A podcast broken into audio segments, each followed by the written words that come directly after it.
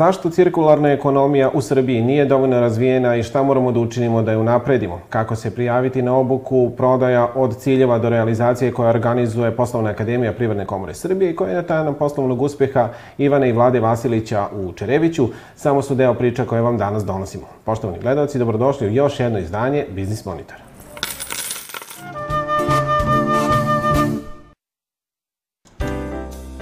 Srpska privreda mora da bude aktualna i zastupljena na svetskom tržištu kada govorimo o kreativnoj industriji. Tu se pre svega misli na digitalnu modernizaciju, čiji razvoj je neophodan za napredak domaće privrede. Ideja upravo današnjih, današnjeg susreta i susretanja u budućnosti jeste da pomognemo našoj privredi kako da napravimo tu digitalnu transformaciju da bismo imali sa čime da izađemo na svetsko tržište. Bez digitalne transformacije cela priroda će nam postati stari zanati. I upravo zato se borimo da budemo aktuelni. Kreativne industrije u našoj zemlji zapošljavaju oko 120.000 ljudi, dok zemlje Evropske unije više od 7,5 miliona i generišu godišnji promet od 630 milijardi evra.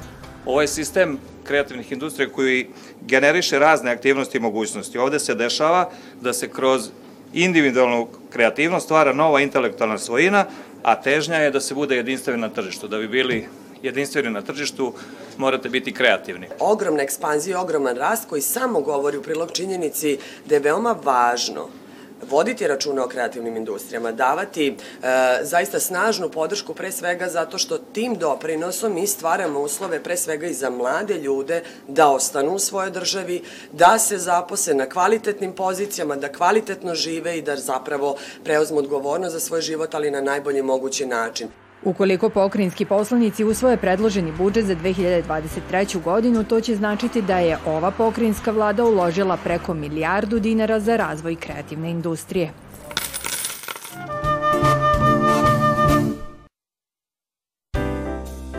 Rast količinskog i finansijskog prometa obeleže prošlu poslovnu nedelju na produktnoj berzi u Novom Sadu, dok su najvažniji primarni poljoprivredni proizvodi izgubili na vrednosti. I ove nedelje na robno-berzanskom tržištu nastavljen je negativan cenovni trend. Na tržištu kukuruza beleži se manja tražnja u odnosu na ponudu, što je uticalo na dalji pad cene ove žitarice. U trgovanju najzastupljenija bila je pšenica, a najviše se količinski trgovalo sa pšenicom sa višim sadržajem proteina od 13 Na tržištu soje takođe se beleži pad cene i tokom ove nedelje, iako je tržište bilo nešto aktivnije u odnosu na nedelju dana ranije. Kada je reč o svetskom tržištu, najvažnija informacija je to da je američka soja na Čikaškoj berzi zabeležila pad vrednosti. Na kraju protekle poslovne sedmice na Beogradskoj berzi ostvarjen je promet od nepuna 2,5 miliona dinara, a berzenski indeksi zabeležili su pad. Kraj prošle poslovne nedelje američka laka i severnomorska nafta dočekale su sa padom cenu u odnosu na sedmicu pre. Od svih najznačajnijih plemenitih i baznih metala kojima se trgovalo u svetu, samo je srebro kraj protekle radne sedmice dočekalo sa padom vrednosti.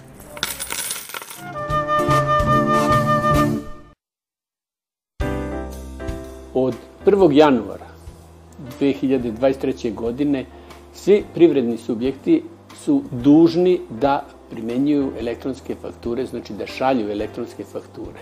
To, će, e, to je dodatni jedan napor koji svi privredni subjekti, znači oni koji nisu, koji nisu do sad imali obavezu, jer su obaveza je bila vezana samo za budžetske ustanove i maloprodaje koje rade sa fizičkim licima.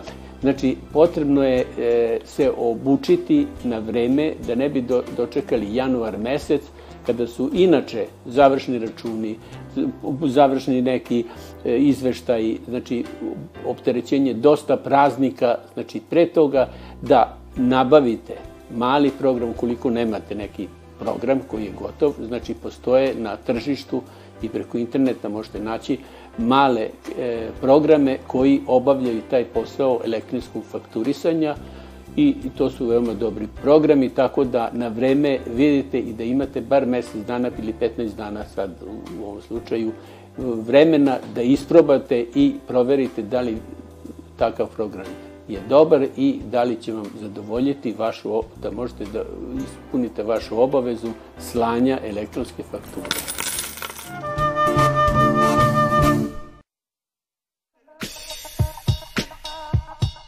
Kako raste životni standard, tako se uvećava i kupovna moć, a što više kupujemo, stvaramo i više otpada. Samim tim i industrija radi više u želji da zadovolji potrebe tržišta, pa pritom i ona stvara više otpada. Kako onog koji je nus proizvod, tako i onog koji nije prodat ili mu je istekao rok trajanja.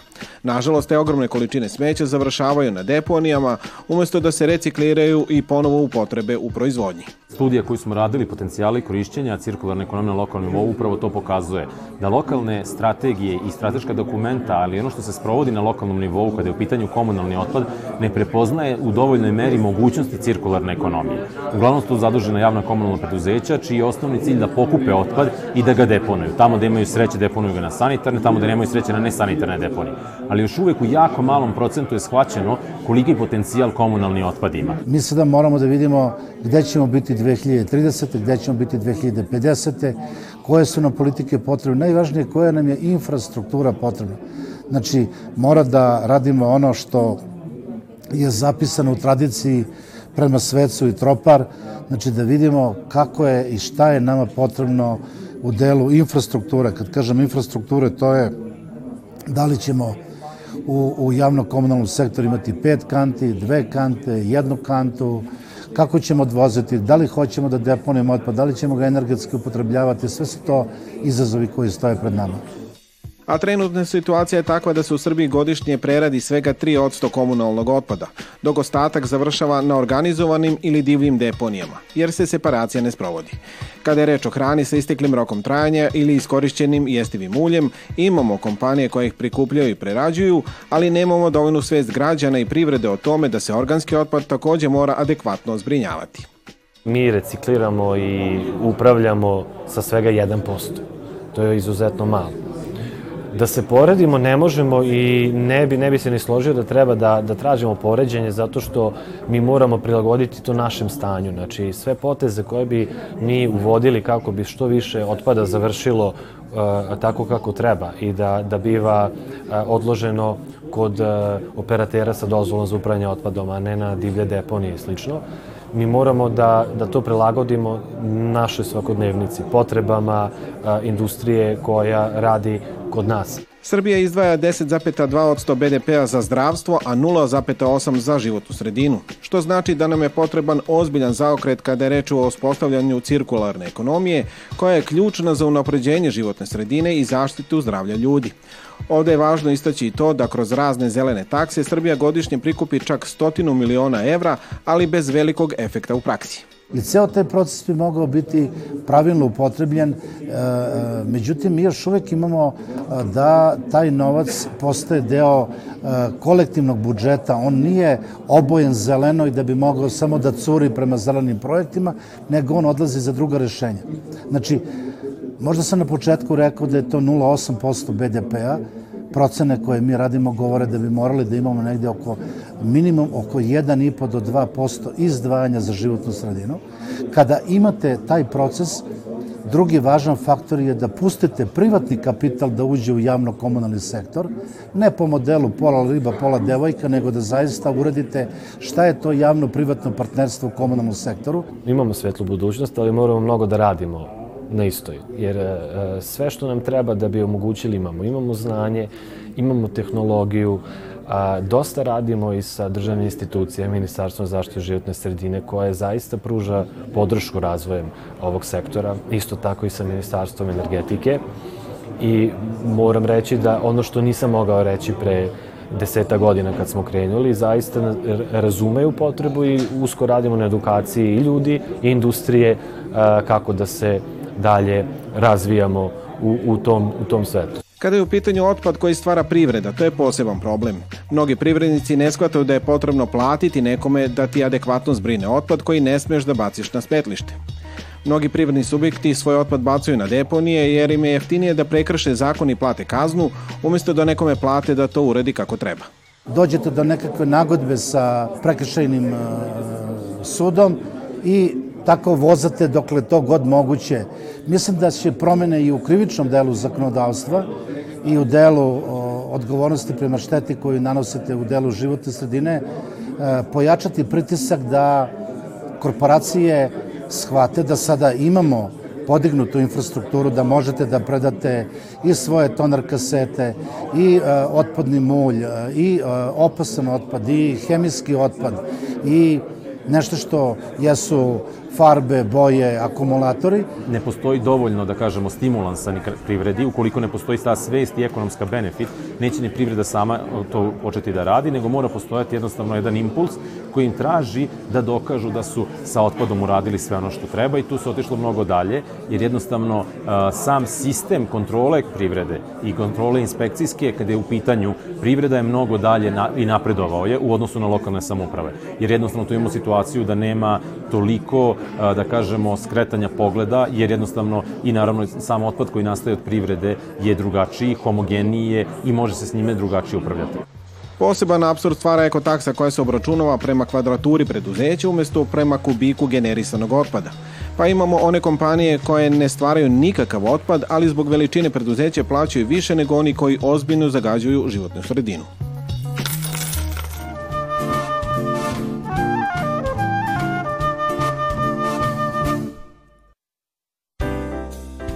Poslovna akademija Privredne komore Srbije poziva sve zainteresovane pojedince da se prijave za edukaciju na temu prodaje od ciljeva do realizacije, koji se realizuje u saradnji sa Management Training centrom. Predavanje će se održati od 21. do 23. decembra. Ovaj program je rezultat naše e, prethodne saradnje u okviru naše akademije prodaje, to je više mesečni program koji smo zajedno sa Management Training centrom uh, već organizovali, koji se nedavno završio, a ova obuka predstavlja jedan kraći uh, sažeti prikaz koje su to osnovne strategije, analize, pristupi, tehnike i metode koje se u sektoru prodaje koriste I ono što je dodatna vrednost e, u okviru ove obuke, jeste to što će polaznici imati prilike da dobiju um, prikaz nekih izazova koje mogu da očekuju u narednoj godini kada je u pitanju sektor prodaje, kao i metode i tehnike i predloge na koji način mogu da ih prevaziđu i reše. Prijeve za najavljene edukacije mogu se poslati i dan pred njihov početak, a neophodne informacije o uslovima i načinu učešća na svim predstojećim obukama mogu se pronaći na internet stranici Privredne komore Srbije.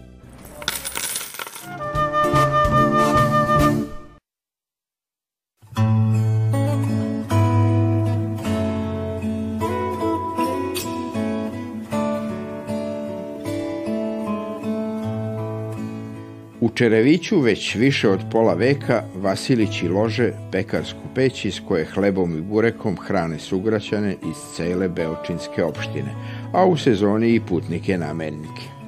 Danas pekaru klasje Panonsko vodi već treća generacija Vasilića, Ivana i Vladimir, koji se umesto zanimanja za koja su završili škole bave starim porodičnim biznisom jer su se u Čerevićkoj pekari rodili i odrasli, brašno im ušlo u krv – Od njih danas prepisujemo recept kako uspeti u Srbiji. Pekara uglavnom e, radi na teritoriji opštine Beočin i to nam je neki cilj u budućnosti. Ne bih se nešto preterano širili u neke druge krajeve. E, radimo u prodajnom objektu ovde u Čreviću i snabdevamo nekih od 17 do 20 objekata u, u opštini, što e, prodajnih marketa, što tipa ustanova kao što je starački dom ili svoje vremeno smo radili isto za restorane pojedine. Ovaj, danas se proizvodnja sastoji od nekih desetak vrsta hleba, recimo standardno, koje se rade. Od peciva radimo obično pecivo, belo, takozvano ili snato pecivo i radimo jednu standardnu ponudu bez nekih uh, posebnih sad trenutno uh, promena. To nam je neki plan u perspektivi, recimo, verovatno početkom 2023. ćemo napraviti neku malu promenu i u ponudi i u samom izgledu objekta u prodaji. Što se tiče bureka, držimo se nekog standarda, sir i meso i u tom nekom sezonskom periodu koji mi zovemo sezonom od aprila do oktobra, radimo u vikendima e, burek specijal i onda svaki vikend pravimo nešto drugo. Da li su budki ceren, da li je piletina s povrćem, da li su bolonjeze i to se onako dosta dobro pokazalo. Ljudi čak i u ovom zimskom periodu ovaj, često pitaju za, za to. Sve ovo, naravno, nije od juče. Kada i kako uopšte sve počelo? I kako se to stiže do ovakve, kroz generacije, do ovakve firme na dobrom glasu i kakva je veza između hleba i piva? Po nekom predanju, zapravo prvo dedin stric je bio ovaj pekar u Ugljeviku I onda su oni posle drugog svjetskog rata nekog perioda došli, ovaj, naselili se ovde u Čerević i otprilike 71. dede imao zanat u rukama, a svoju pekaru je otvorio ovde 71. godine, otprilike oko 1. maja. Sad se tu ovaj, dalje prvi, peti, mi smo uzeli da je 1. maj. Uh, posle toga mi u kontinuitetu, eto već radimo koliko sad već, bit će skoro 52 godine. Uh, od dede i babe koji su se bavili poslom, njihov posao je nasledio naš tata koji je bio njihovo četvrto dete. A, tata je bio, može se reći, školovani ekonomista. Nije znao zanat pekarski, ali je ovaj, znao da udesi posao i da namesti stvari kako treba. Možemo reći da je on možda i sad, da li zbog, uh, ajde da kažem, u državi početka privatnog, mislim, ono, pogodnog momenta za početak privatnog posla, i raširio posao, raširio posao Ivan Čarevića. A, mi smo od tate nasledili neke 2005. 6. godine, nažalost preminuo je. Sestra i ja smo ovaj, se fokusirali na ovaj posao, iako se nismo školovali za to, ali eto, to nam je u krvi. Odrasli smo uz pekaru, školovali se, živimo i dalje uz pekaru i stvaramo i mi porodice, a ako bude sreće, zdravlja, možda će i oni nastaviti naš posao neki moji prijatelji i ja smo pričali koji bi mi posao mogli zajedno da radimo, pošto smo pivopije, jel da? Ovaj, skontali smo da bi nam to bio jedan od poziva zajednički da ga obavljamo. A, pivo i hleb imaju puno veza kroz istoriju. Zapravo ne zna se šta je starije i dan danas su velike debate u istoričarskim krugovima da li je prvo nastalo pivo od hleba ili je kvasac prvo napravljen kroz pivo. Ideja za biznisom je bila drugarska, nije bila najbitnije, nije bio najbitniji profit u samoj ideji. Znači, bila je da napravimo dobro pivo, da budemo mi zadovoljni sa ukusom, a na kraju nadamo se da će biti i profitak. Kakav to čovek, gledajući iz vašeg iskustva, treba da bude pravi preduzetnik? Je li dovoljna samo ideja ili treba da se bude vredan i pametan svaki dan? Treba li hrabrosti? Treba li sreće? Ili sve to zajedno? Kako je bilo u vašem slučaju? Tri stvari su potrebne za uspešan biznis. To su, možemo reći, znanje ili ti iskustvo. To nosi nekih 33% do uspešnosti. Uh, trud ili upornost, to još nosi 33% i sreća nosi 33%. E sad, 100% ko uspe da ispuni ili 99 ovih mogućih, to je neki Bill Gates, Elon Musk. A već kad pređete 51%, vi ste uspešni u svom poslu, po mojoj toj računici. Znači, ako ste vi jako uporni, 33% upornosti date i puno znate 33, vi ste već na lestvici od 66, što je mnogo više od 50%. Uspešni ste. Ako se na to doda još malo sreće, vi ste jako uspešni. Ako imate upornost i sreću, opet ćete uspeti. Mislim, bitno je da se pređe tih 51% sa ta tri aspekta. Kad se trudimo, kad imamo znanje i sreća kad nam pomogne, nema greške. Koji se načela i principa držite u poslu svakog dana? Koji bi to u stvari bio recept za poslovni uspeh? Treba bi čovek da rasporedi, da ustaje svako, svaki dan u isto vreme, da obaveze svoje obavlja svaki dan u isto vreme, organizaciju posla, da je, mislim da je jako bitno i ja se trudim da budem dostupan svojim radnicima uvek, u poslovanju u smislu da ne samo poslovnih problema, nego i njihovih porodičnih, životnih, da pričamo o tome da možemo zajedno da ih rešavamo. Ako me sad pitate generalno za uspeh u malom biznisu porodičnom, ja mislim da je to ovaj, ključ uspeha. A što se tiče kako treba obaveze ispunjavati, pa čovjek mora biti dosledan. Ja imam isto teoriju da voditi posao od 10 zaposlenih i 1000 zahteva iste obaveze.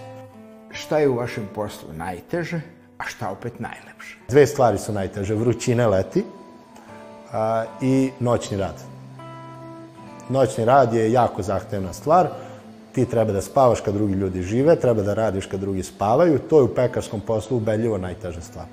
Do duše sad uz malo savremene aparature, postoje već pekare koje mogu da baziraju svoj ovaj, rad na dnevnoj proizvodnji. Nažalost, mi kojima je primarno proizvodnja hleba kao što smo mi i naročito mi radimo u tradicionalnoj i recepturi i procesu proizvodnje je tradicionalan, mi moramo da baziramo rad na noćnom radu. Mislim, proizvodnju na noćnom radu. Pa lepo je kada u pekarstvu vi pravite proizvod koji se odmah degustira i odmah znate e, šta ste napravili, šta je, šta je e, vaše delo. Znači, sam taj svakodnevno možete da dobijate povratnu informaciju da li ste nešto uradili dobro ili ne. Lepo je to što je i zimi toplo u pekari, lepo je što nikad niste gladni na poslu.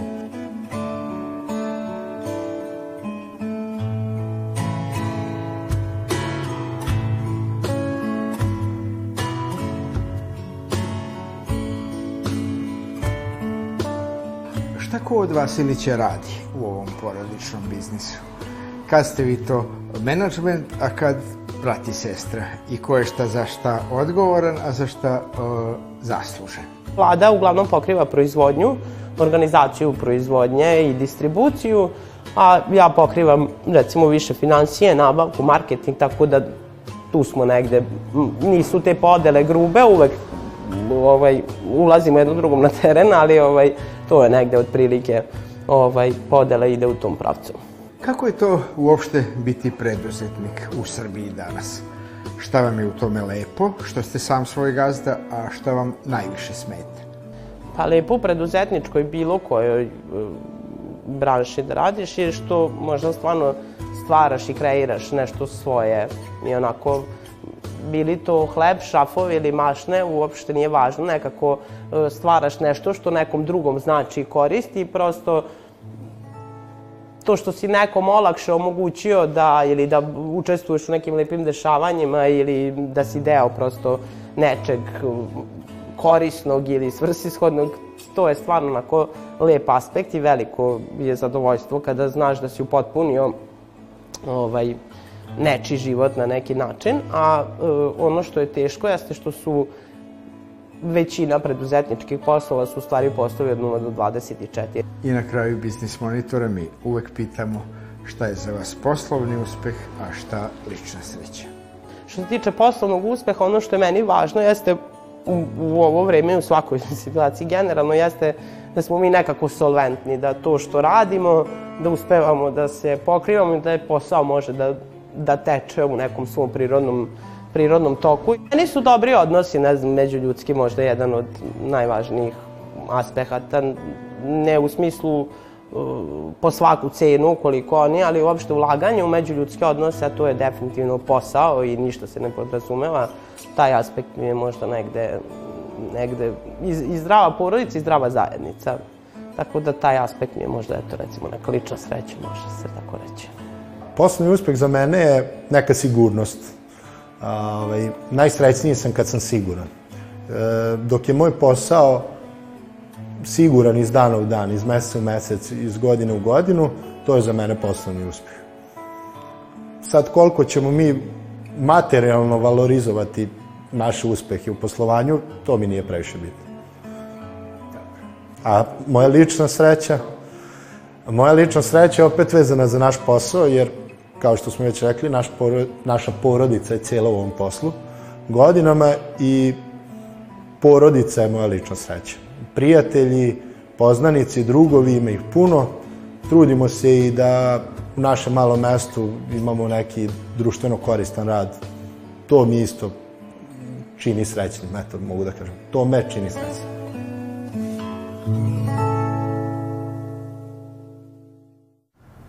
Toliko za ovaj put. Sa novim pričama iz sveta male privrede vidimo se za nedelju dana u isto vreme na isto mesto, a umeđu vremenu pišite nam i sugerišite teme koje biste želeli da istražimo za vas.